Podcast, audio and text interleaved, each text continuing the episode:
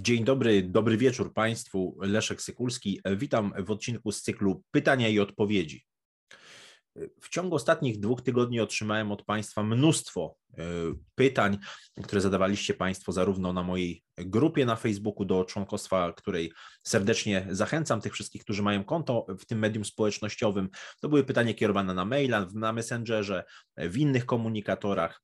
Mnóstwo pytań o stosunki rosyjsko-ukraińskie, o to, czy będzie nowa odsłona wojny, czy będzie rosyjska inwazja na pełną skalę, czy zagrozi to Polsce.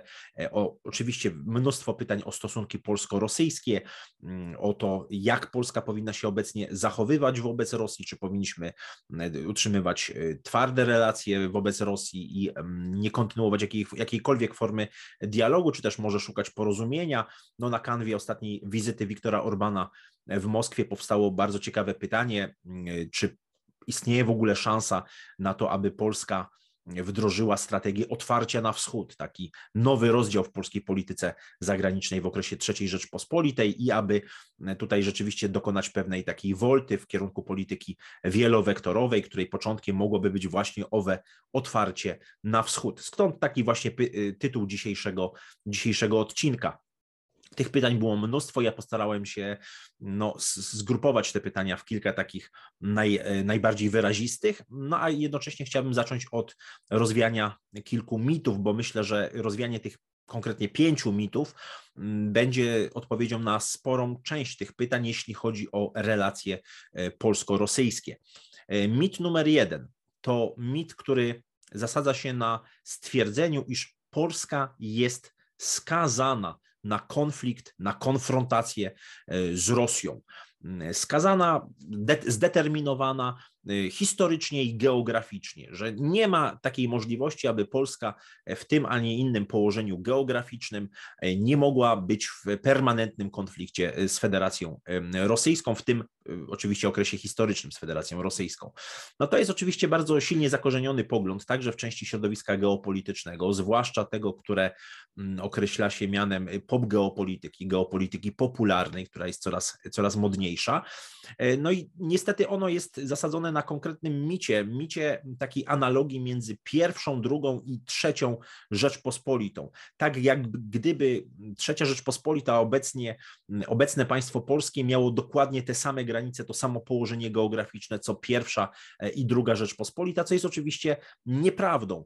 E, pamiętajmy, że konfrontacja, konfrontacja militarna, polityczna między polskim i ośrodkiem polskim i rosyjskim ośrodkiem siły, używając tego żargonu geopolitycznego, miała miejsce wtedy, kiedy dochodziło do bezpośredniego konfliktu interesów na nizinie wschodnioeuropejskiej. Wtedy, kiedy mm, no, Rzeczpospolita ekspandowała na właśnie nizinie wschodnioeuropejskiej, kiedy doszło do konfrontacji, do walki o dominację na tej wielkiej równinie, no, dochodziło do, do konfliktów y, zbrojnych, no i w konsekwencji do, mm, do przegrania przez państwo polskie, przez Rzeczpospolitą y, obojga narodów tej konfrontacji, do wymazania tego państwa z mapy Europy. Ten konfrontację Polska absolutnie przegrała, czego zresztą potwierdzeniem było także, y, było także, no, były także wydarzenia z roku 1939. Polska została na trwałe y, wypchnięta z niziny y, wschodnioeuropejskiej i obecnie Polska w ponad 99% leży w zlewisku Morza Bałtyckiego, leży przede wszystkim e, na nizinie środkowoeuropejskiej i jakiekolwiek mówienie o tym, że dzisiaj Polska leży na pomoście bałtycko-czarnomorskim jest e, absolutnie sprzeczne z rzeczywistością. Polska nie leży na pomoście bałtycko-czarnomorskim, Polska leży w 99% w zlewisku Morza Bałtyckiego i polskie interesy nie rozciągają się, polskie interesy geostrategiczne nie rozciągają się między Morzem Bałtyckim a Morzem Czarnym. Polskie interesy geopolityczne, geoekonomiczne są ściśle związane z przesmykiem bałtycko-karpackim, z niziną środkowoeuropejską i ze zlewiskiem Morza Bałtyckiego. Polska przegrała rywalizację geostrategiczną na nizinie e, wschodnioeuropejskiej i należy się po prostu z tym faktem pogodzić. E, jakiekolwiek jakiekolwiek resentymenty w stronę, w stronę Rosji, jakiekolwiek sentymenty mocarstwowe, imperialne, bo i takie się dzisiaj pojawiają, mowa o imperialnej przeszłości Rzeczpospolitej, to jest podbijanie bębenka emocjonalnego, zupełnie nie mającego nic wspólnego z polityką realną nie ma czegoś takiego jak determinizm historyczny i nie ma czegoś takiego jak determinizm geograficzny. To są mity, to są bardzo szkodliwe doktryny. Wiele państw miało bardzo trudne karty historii e, w, w relacjach wzajemnych, w relacjach bilateralnych, mimo to były w stanie osiągnąć porozumienie, były w stanie zasypać te podziały. No myślę, że bardzo dobrym przykładem e, jest wspólna historia Francji i Niemiec, pełna e, licznych wojen, konfliktów, mordów, e, tragicznych historii, e, tragicznych historii, tragicznych epizodów i całych okresów w relacji właśnie między tymi dwoma państwami, a mimo to udało się dokonać pojednania między tymi narodami. Inny przykład to oczywiście to oczywiście przykład e, licznych konfrontacji rosyjsko-niemieckich, które również były bardzo krwawe i, e, i odcisnęły swoje ogromne piętno na, na relacjach wzajemnych, na pamięci historycznej, a mimo to, jak widzimy dzisiaj, partnerstwo między tymi dwoma krajami jak najbardziej kwitnie. Zatem pierwszy mit to determinizm. Determinizm nie ma nic wspólnego z rzeczywistością, nie ma nic wspólnego z podejściem naukowym. Jest to szkodliwa doktryna. Mit numer dwa y, to mit, który zasadza się na takim stwierdzeniu, że nie ma w ogóle mowy o tym, aby Polska dzisiaj mówiła o jakiejkolwiek współpracy z Federacją Rosyjską, ponieważ Rosja jest niedemokratyczna. To, że jakiś kraj jest niedemokratyczny, już a priori, czyli z góry zakładamy, że absolutnie z takim państwem nie, nie rozmawiamy. No i to jest oczywiście pogląd nie mający nic wspólnego z takim trzeźwym, racjonalnym podejściem do polityki międzynarodowej. Spójrzmy na relacje chociażby Polski z Arabią Saudyjską, spójrzmy na, na relacje Polski z Chińską Republiką Ludową. No, nikt chyba nie jest w stanie powiedzieć, że oba te państwa są krajami demokratycznymi, a na pewno nie demokratycznymi w takim europejskim rozumieniu. E, mimo to na terytorium Rzeczypospolitej żołnierze Arabii Saudyjskiej szkolili się między innymi w Akademii Wojsk Lądowych we Wrocławiu, a wiemy doskonale, że Arabia Saudyjska jest oskarżona o no, bardzo e, poważne, są wysuwane bardzo poważne zarzuty wobec Arabii Saudyjskiej o łamanie praw człowieka, o łamanie praw kobiet, o e, kwestie związane z represjami wobec dziennikarzy i tak dalej, i tak dalej. Podobnie zresztą w Chińskiej Republice Ludowej. E, tutaj myślę, że widzom mojego kanału nie trzeba e, mówić o tych, e, o tych kwestiach. Podobnie zresztą jest ze Stanami Zjednoczonymi, które świetnie współpracują, kooperują e, z państwami niedemokratycznymi, no, począwszy od właśnie Arabii Saudyjskiej czy Zjednoczonych Emiratów Arabskich, a skończywszy na wielu państwach w przeszłości o, o no, bardzo można powiedzieć takich nieciekawych formach ustrojowych i formach rządu. Zresztą wiele dyktatur Stany Zjednoczone wspierały, czy wiele też przewrotów krwawych e, wspierały i to w żaden sposób nie, nie, nie, nie, nie przeszkodziło w postrzeganiu Stanów Zjednoczonych jako państwa demokratycznego, czy państwa, z którym się po prostu współpracuje. Myślę, że w polityce międzynarodowej, zwłaszcza w polityce międzynarodowej, bardzo potrzebny jest pragmatyzm, bardzo potrzebny jest, potrzebna jest pewna powściągliwość, pewna, pewna no, taka roztropność, która pozwala na realizowanie interesów Y, państwowych, no, od, od, od oderwanie od takiej etyki, powiedzielibyśmy, indywidualistycznej, pojedynczego, pojedynczego człowieka. Y, mit numer trzy, który zasadza się y, w takim stwierdzeniu, że Polska musi być w pierwszym szeregu państw takich bardzo radykalnie nastawionych wobec Rosji, wewnątrz Unii Europejskiej, wewnątrz Sojuszu Północnoatlantyckiego, bo inaczej nasza pozycja będzie, będzie słaba, bo będziemy wtedy no, mieli mniejszą możliwość kształtowania polityki wschodniej, chociażby e, Unii Europejskiej. Moim zdaniem jest dokładnie na odwrót. Im polska polityka jest bardziej radykalna, im polska polityka jest bardziej konfrontacyjna wobec Rosji, jest oparta na rusofobii, na różnego rodzaju emocjach, mitach, uprzedzeniach, na podejściu przede wszystkim skrajnie emocjonalnym, tym, tym, tym polski głos jest po prostu słabiej słyszany w Europie. Widać to doskonale po relacjach francusko-rosyjskich czy niemiecko-rosyjskich odcinanie się od relacji z Rosją, brak kontaktów dyplomatycznych, niewiele kanałów dyplomatycznych, które są. No dość powiedzieć, że ostatnie, ostatnia wizyta ministra Zbigniewa Rała w Moskwie 15 lutego tego roku no była od niemal 10 lat pierwszą wizytą szefa polskiej dyplomacji w Moskwie. No to jasno pokazuje, że Polska nie ma żadnego przełożenia na politykę rosyjską, a jeżeli nie ma tego przełożenia jakiegokolwiek na politykę rosyjską, to Polska nie jest żadnym partnerem, jeśli chodzi o kształtowanie polityki wschodniej Unii Europejskiej dla Berlina, Paryża, Rzymu czy dla e, po prostu Brukseli. E, w związku z tym to jest kolejny mit. E, mit numer cztery to, to fakt, że czy to takie stwierdzenie, które miałoby być faktem, że bezkompromisowa polityka Warszawy wobec Moskwy służy Białorusi i Ukrainie, służy Białorusinom i Ukraińcom. No moim zdaniem jest dokładnie na odwrót, to znaczy taka bezkompromisowa, taka y, w wielu kwestiach w takiej warstwie werbalnej, agresywna polityka Polski wobec y, Federacji Rosyjskiej. Całkowicie, y, że tak powiem, ogranicza tutaj możliwości rozwoju, czy to Białorusi, czy, y, czy Ukrainy, a jest to związane ściśle z pewną polityką bezalternatywną, która się tworzy chociażby wokół Białorusi. No, Białoruś przez wiele lat upatrywała Polskę jako takie, można powiedzieć, okno na Europę, podobnie zresztą jak Ukraina biorąc pod uwagę fakt, że Białoruś została sprowadzona do e, takiego poziomu, w którym już przestała mieć jakąkolwiek alternatywę, no bo po 9 sierpnia 2020 roku Polska e, podjęła takie, a nie inne decyzje, to znaczy, to znaczy polskie elity decyzyjne w Warszawie podjęły takie, a nie inne decyzje, które zepchnęły całkowicie e, pod ścianę, mówiąc już tak bardzo kolokwialnie, Aleksandra Łukaszenkę i był zmuszony 4 listopada ubiegłego roku podpisać 28 programów integracyjnych jeszcze bardziej uzależniających Białoruś od Federacji Rosyjskiej, a właściwie czyniących z Białorusi integralną część państwa związkowego Rosji i Białorusi właśnie. Podobnie zresztą jest z Ukrainą. Ta bezkompromisowa polityka Warszawy, która opiera się przede wszystkim na różnego rodzaju deklaracjach, na tym twierdzeniu, że nie ma niepodległej Polski bez niepodległej Ukrainy, że Polska jest adwokatem Ukrainy w Europie, nie jest oparta na żadnych konkretach. Od ponad właściwie dwu, od, właściwie od kilkunastu lat.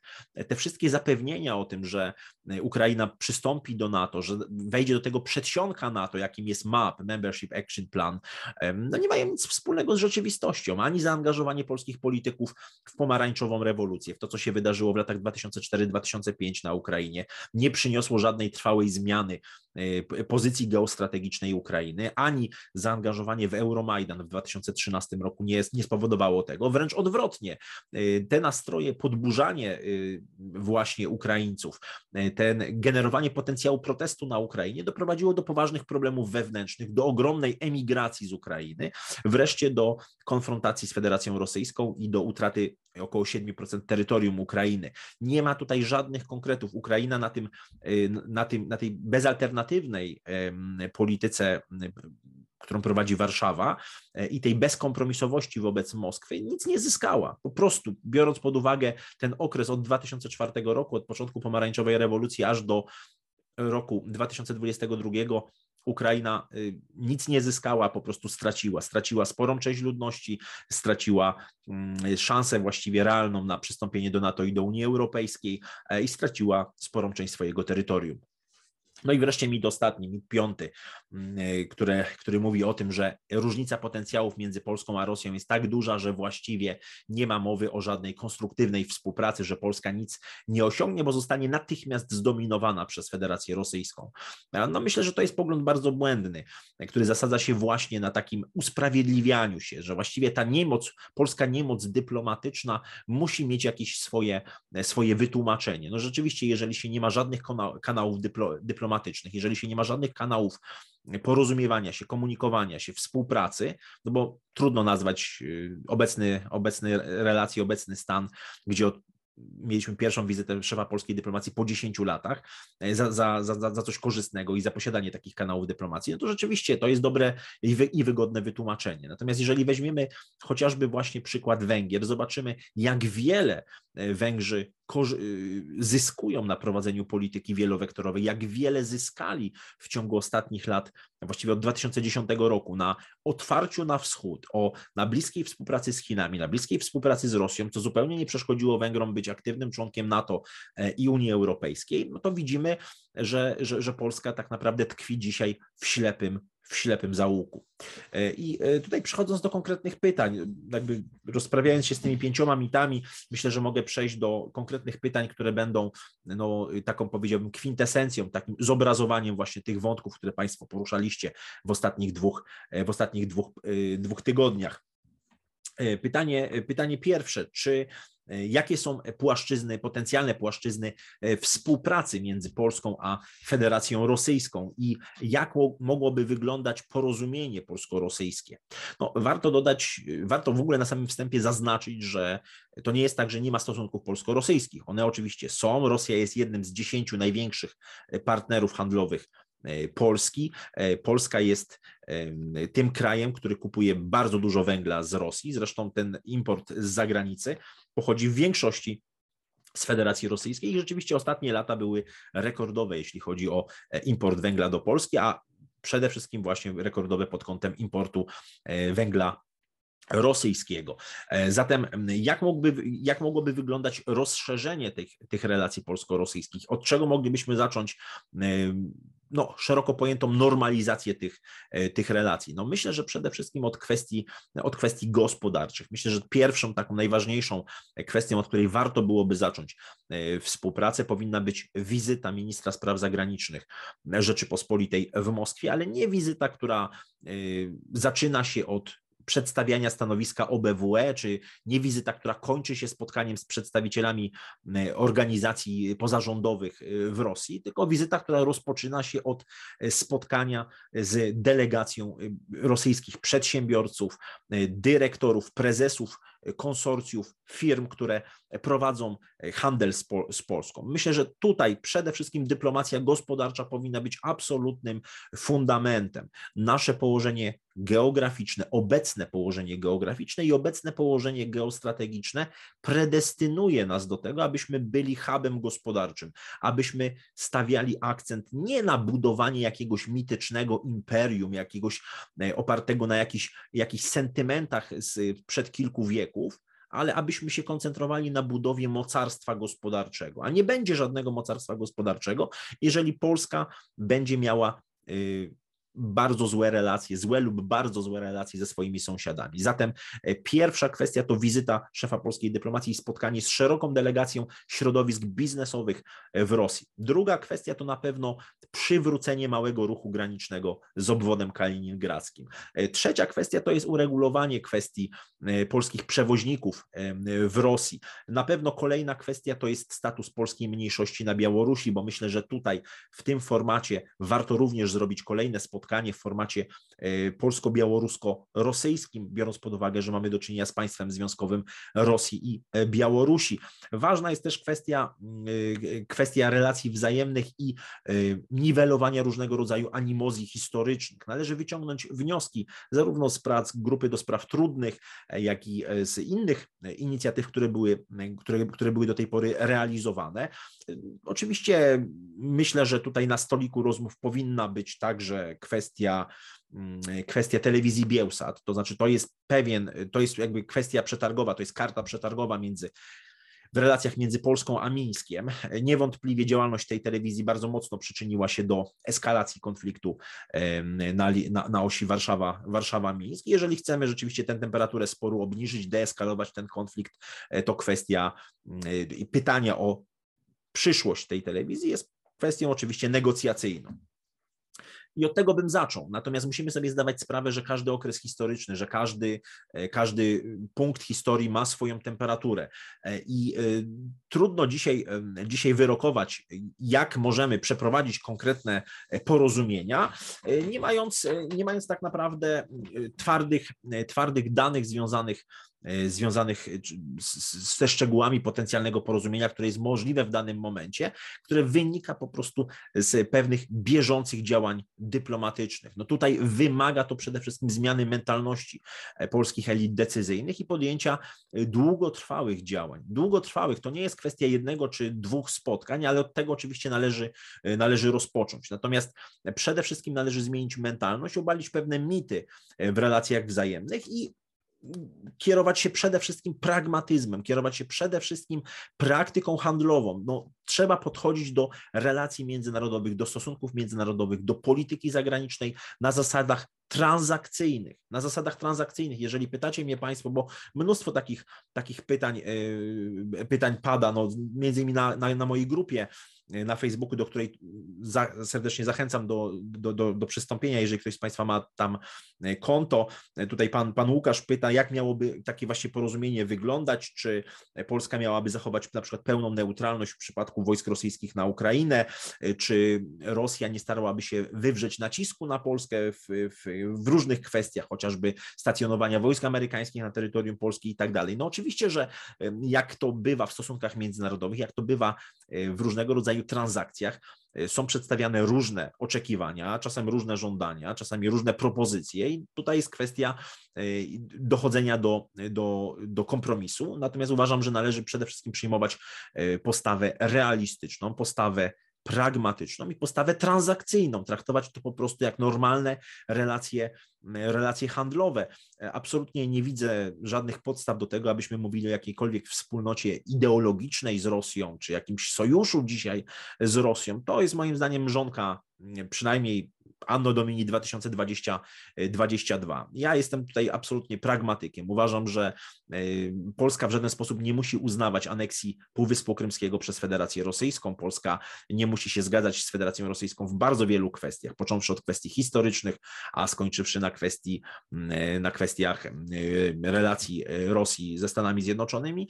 Natomiast Polska niewątpliwie może prowadzić e, bardzo korzystne transakcje. No i też tutaj pytanie, e, no chociażby właśnie od pana Łukasza z, z mojej grupy, czy, e, czy mm, czy, czy moglibyśmy na przykład w, w, przetargu na budowę elektrowni jądrowej dopuścić ofertę rosyjską i czy należałoby potraktować sprawę w sposób handlowy, czy, czy jakikolwiek inny. No, jakikolwiek inny to rozumiem, że w sensie geostrategicznym bądź ideologicznym. Uważam, że jak najbardziej należałoby taką ofertę dopuścić. Myślę, że przykład Węgier doskonale pokazuje, że kraj będący członkiem NATO i Unii Europejskiej może, e, może, że tak powiem, prowadzić takie transakcje, może wybudować elektrownię jądrową e, całkiem sprawnie i na, na korzystnych warunkach handlowych e, i, i rozwijać energetykę jądrową u siebie.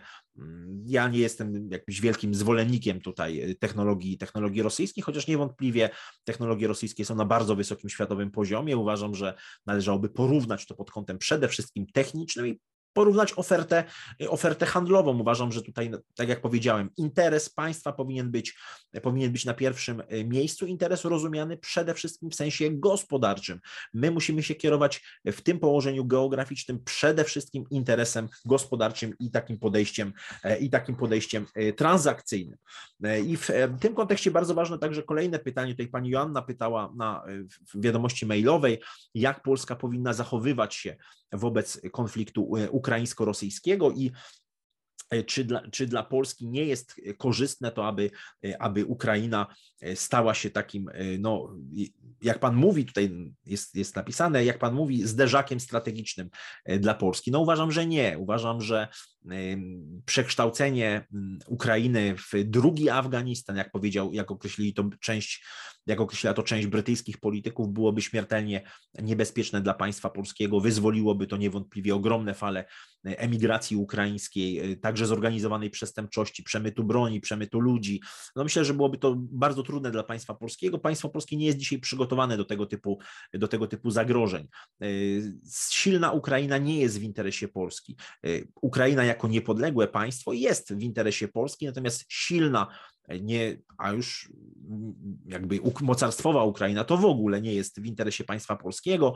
E, Ukraina jako pewien bufor, chociaż dzisiaj te, ta buforowość państw ma już o wiele mniejsze znaczenie niż miała w przeszłości, w XIX wieku. Zresztą takie mówienie o tych, o, o tych sferach buforowych, limitroficznych mm, e, traci na znaczeniu z uwagi na rosnącą, na rosnącą, na rosnącą technologię, na rozwijającą się technologię, na zdolność do ingerowania wewnętrzne sprawy państw, mm, w, właściwie z pominięciem jakby tych odległości geograficznych, no cała koncepcja wojen buntowniczych, działań hybrydowych właśnie na tym się zasadza.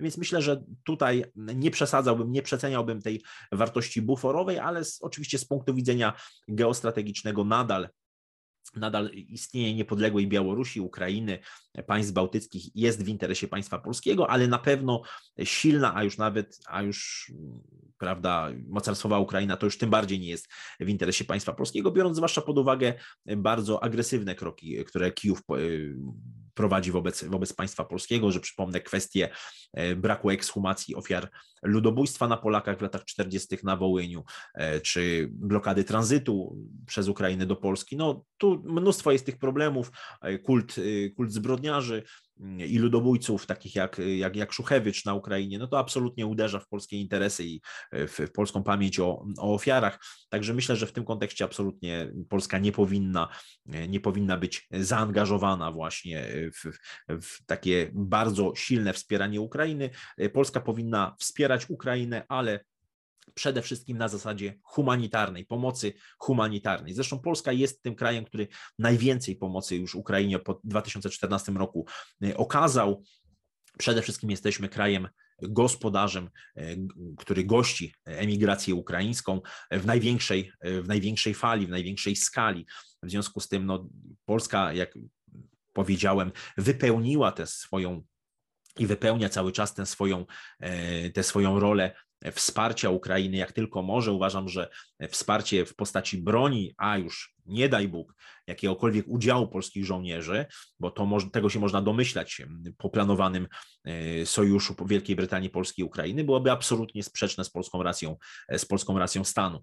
E, uważam, że powinniśmy się kierować przede wszystkim wyrachowaniem w polityce międzynarodowej, podejściem transakcyjnym, jeżeli po, już przez tyle lat, przez 8 lat wspieramy Ukrainę, gościmy tutaj emigrację ukraińską, mamy prawo oczekiwać, co więcej, mamy prawo żądać od Ukrainy realizacji naszych interesów gospodarczych i realizacji naszej polityki historycznej i respektowania naszej, e, naszej pamięci historycznej i naszej wrażliwości historycznej. Absolutnie niedopuszczalne jest to, aby polski minister spraw zagranicznych e, prowadził jakiekolwiek negocjacje ze stroną e, ukraińską pod czerwono-czarną flagą. To jest, to jest, to jest hańba. To jest po prostu hańba. Y, jeżeli chodzi o pytania na temat potencjalnej wojny polsko-rosyjskiej, myślę, że to są e, w tym momencie mrzonki, chyba że doszłoby do kontaktu ogniowego polskich żołnierzy ze żołnierzami rosyjskimi, no chociażby jak w jakimś hipotetycznej e, interwencji e, na Ukrainie, ale myślę, że polski rząd się na to nie zdecyduje. To myślę, że byłoby absolutnie, to byłby ten krok, który, który byłby krokiem przekraczającym pewną czerwoną, czerwoną linię. Natomiast no, takie zaangażowanie dyplomatyczne Polski, taka polityka bardzo, powiedziałbym, ingerująca w przestrzeń na obszarze postsowieckim, na niezinie wschodnioeuropejskiej, wspieranie różnego rodzaju kolorowych rewolucji, czy prób wywołania rewolucji niezbrojnych, tak jak to miało miejsce w 2020 i 2021 roku na Białorusi, y, no na pewno spotka się z odpowiedzią. To bądźmy tego pewni. To, to jest specyfika y, tego państwa, to jest zresztą specyfika każdego mocarstwa, że od, odpowiedź nastąpi po prostu. Nasza ingerencja na, w przestrzeń y, wschodnioeuropejską skończy się eskalacją konfliktu białorusko-polskiego, eskalacją konfliktu granicznego, presją migracyjną, zwłaszcza na wiosnę, kiedy ruszą fale migracyjne z Afganistanu, szerzej z Azji z Azji Środkowej, być może także z Bliskiego Wschodu e, i niewątpliwie będzie to z całą bezwzględnością wykorzystane przez stronę białorusko-rosyjską, jeżeli Polska będzie prowadziła taką politykę jak, jak do tej pory. Natomiast to kolejne pytanie, które Państwo mi zadajecie, to pytanie także, które padało na YouTubie o strategię otwarcia na wschód. Co ono miałoby oznaczać oprócz normalizacji relacji z Białorusią i Rosją, wywarcia nacisku na Ukrainę, jeśli chodzi o kwestie gospodarcze i kwestie polityki historycznej? No przede wszystkim otwarcie się na Chińską Republikę Ludową. I tutaj konkretne, kolejne pytanie, które Państwo zadajecie, jakie musiałyby być warunki, jakie, jakie musiałyby być konkretne postu, y, jakie musiały być spełnione y, konkretne zadania przez państwo polskie, aby doszło do chociażby redukcji tego deficytu, tej, tej, różnicy w handlu zagranicznym, prawda? Y, gdzie, gdzie importujemy z, z Chin bardzo dużo, a eksportujemy niewiele i myślę, że nawet te kontrakty, które polskie koleje państwowe, linia hutnicza szerokotorowa, linie hutnicze szerokotorowe miały tutaj zawarte w grudniu ubiegłego roku, gdzie ponad 80 pociągów miało wjechać z Chin do Polski, a tylko 6 do Chin, no pokazują tę ogromną e, dysproporcję i deficyt w handlu e, zagranicznym w obrotach właśnie e, z Chińską Republiką Ludową. No myślę, że przede wszystkim taka mądra i racjonalna polityka która jest polityką, która byłaby polityką wielowektorową, strategią wielowektorową, czyli nie opieranie tylko i wyłącznie naszego bezpieczeństwa na ścisłych relacjach ze Stanami Zjednoczonymi, ale otwarcie się na kontakty z innymi państwami, i na kontakty gospodarcze z Chinami. Ja tylko przypomnę, że te projekty, takiego projekt rozbudowy wielkiego hubu pod Łodzią, który miał być właśnie takim, no i e, takim hubem, e, no, można powiedzieć, wynoszącym Polskę na, na jednego z głównych partnerów Chin w tej części Europy, w ramach zresztą tej inicjatywy 17 plus 1 e, i ten, i ten hub multimodalny, który mógłby rzeczywiście tutaj przyczynić się do rozwoju gospodarczego państwa polskiego, no został z przyczyn geopolitycznych utrącony. Z chęci myślę, że przypodobania się Stanom Zjednoczonym. I to jest ten główny, główny dzisiaj powód, ten główny hamulcowy tej polityki. Ja jestem oczywiście pragmatykiem, zdaję sobie sprawę, że e, ścisłe zależności między obecnym establishmentem państwa polskiego, a mm, elitami decyzyjnymi Stanów Zjednoczonych mają swoją genezę jeszcze w okresie tak zwanej opozycji demokratycznej w PRL-u, co zresztą pokazały bardzo dobrze ostatnie badania Instytutu Pamięci Narodowej, chociażby kwestia podporządkowania wywiadu cywilnego amerykańskiej Centralnej Agencji Wywiadowczej, te bardzo ścisłe relacje e, obu służb, które skończyły się złamaniem polskiej konstytucji i utworzeniem e, tajnego więzienia CIA w starych Kiejkutach, torturowaniem ludzi na terytorium Polski, które jest sprzeczne i z prawem polskim i oczywiście z prawem międzynarodowym i nie ma nic wspólnego z demokracją ani, ani z, tymi, z tymi wartościami, mm, na które, na które wielu mm, czołowych polskich czy amerykańskich polityków się powołuje. No niestety ta sytuacja powoduje, że dzisiaj ta zdolność manewru w polityce zagranicznej również jest niezwykle ograniczona. Ale tutaj szansę upatruję w, w procesach geopolitycznych, w tych, w tych procesach, które są w dużej mierze niezależne od e, woli e, polskich decydentów, decydentów w Warszawie.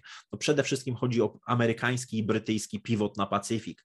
Ten brytyjski pivot na Pacyfik został ogłoszony w ubiegłym roku mm, w dokumencie Zintegrowany Przegląd i ta strategia globalnej Brytanii dokładnie to pokazuje, że Wielka Brytania również będzie się przede wszystkim koncentrowała na tamtym, e, na tamtym, na tamtym obszarze, to pokazuje, że jakby ten, ten, ta strategiczna uwaga Stanów Zjednoczonych czy i sojuszników najważniejszych tego, e, tego państwa e, będzie się przenosić właśnie na Indo-Pacyfik, na zachodni Pacyfik, na wschodnią Azję i to w naturalny sposób stworzy nam możliwości, możliwości manewru.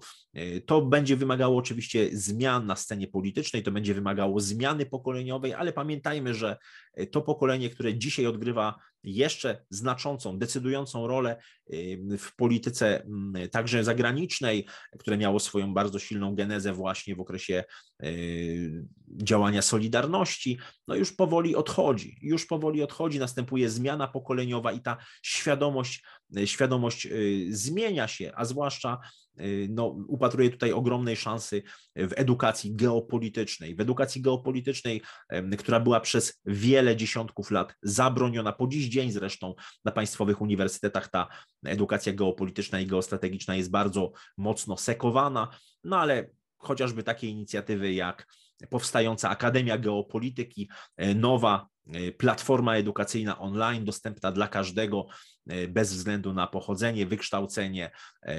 Myślę, że przyczyni się również do tego, że będziemy inaczej myśleć o świecie, bardziej zdroworozsądkowo, bardziej pragmatycznie, bardziej transakcyjnie i, i wyjdzie to nam wszystkim po prostu na dobre. Dziękuję Państwu za uwagę.